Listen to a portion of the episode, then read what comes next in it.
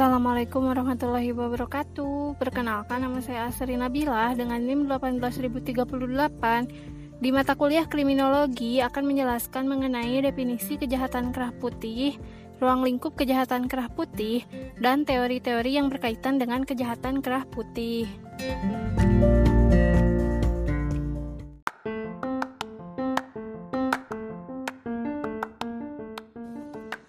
Istilah kejahatan kerah putih mungkin tidak asing bagi beberapa orang. Tetapi mungkin ada sebagian teman-teman yang baru mengenal kejahatan ini. Nah, untuk mengenal lebih jauh kejahatan kerah putih, kejahatan ini berasal dan berkembang di Amerika Serikat yang mengacu pada keadaan sosial masyarakat barat. Sutherland mendefinisikan kejahatan kerah putih sebagai kejahatan yang dilakukan oleh orang-orang yang dipandang terhormat dengan status sosial tinggi dalam menjalankan jabatannya atau pekerjaannya. Adapun menurut Dictionary of Criminal Justice, data terminologi mendefinisikan kejahatan kerah putih sebagai non-violent crime dengan tujuannya untuk meraup keuntungan finansial.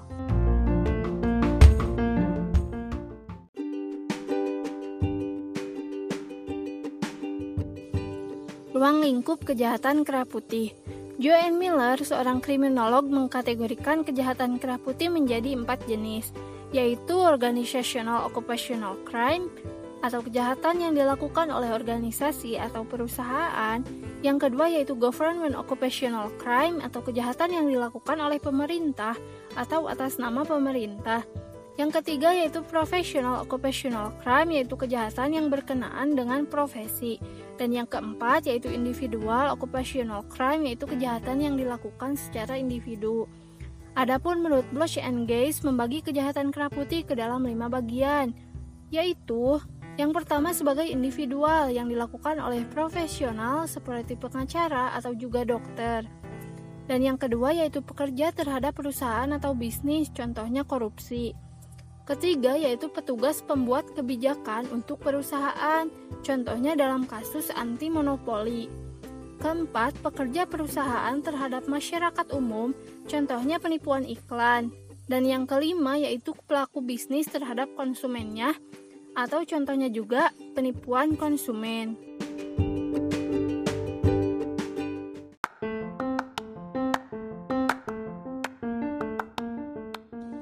Ada banyak teori kriminologi saat ini.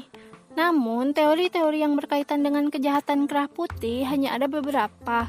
Yang pertama yaitu teori-teori yang berpusat pada pengaruh kelompok atau kebudayaan yang dinamakan dengan teori interaksionisme simbolik. Menurut teori ini, tingkah laku yang dimiliki seseorang merupakan perwujudan dari tingkah laku masyarakat sekitarnya. Jika seorang pelaku kejahatan kerah putih hidup di lingkungan yang sama-sama penjahat, maka ia berani melakukan kejahatan tersebut. Yang kedua yaitu strain teoris. Menurut teori ini, bahwa hasrat manusia adalah tidak terbatas satu. Oleh karena itu, tekananlah yang mendorong untuk seseorang melakukan kejahatan kerah putih. Tokoh dari teori ini yaitu Durkheim. Nah, yang ketiga yaitu teori asosiasi diferensial.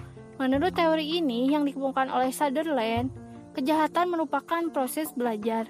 Ketika para pelaku kejahatan belajar bisnis, maka mereka juga belajar untuk melanggar hukum, sehingga timbullah penyelewengan hukum, sama halnya dengan kejahatan kerah putih.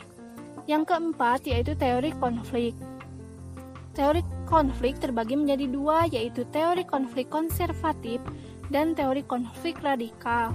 Teori konflik yang berhubungan dengan kejahatan kerah putih adalah teori konflik konservatif, karena beranggapan bahwa mereka yang memiliki kekuasaan akan mempengaruhi pembuatan keputusan. Tentunya, dalam kejahatan kerah putih berkaitan dengan kekuasaan yang dimiliki seseorang.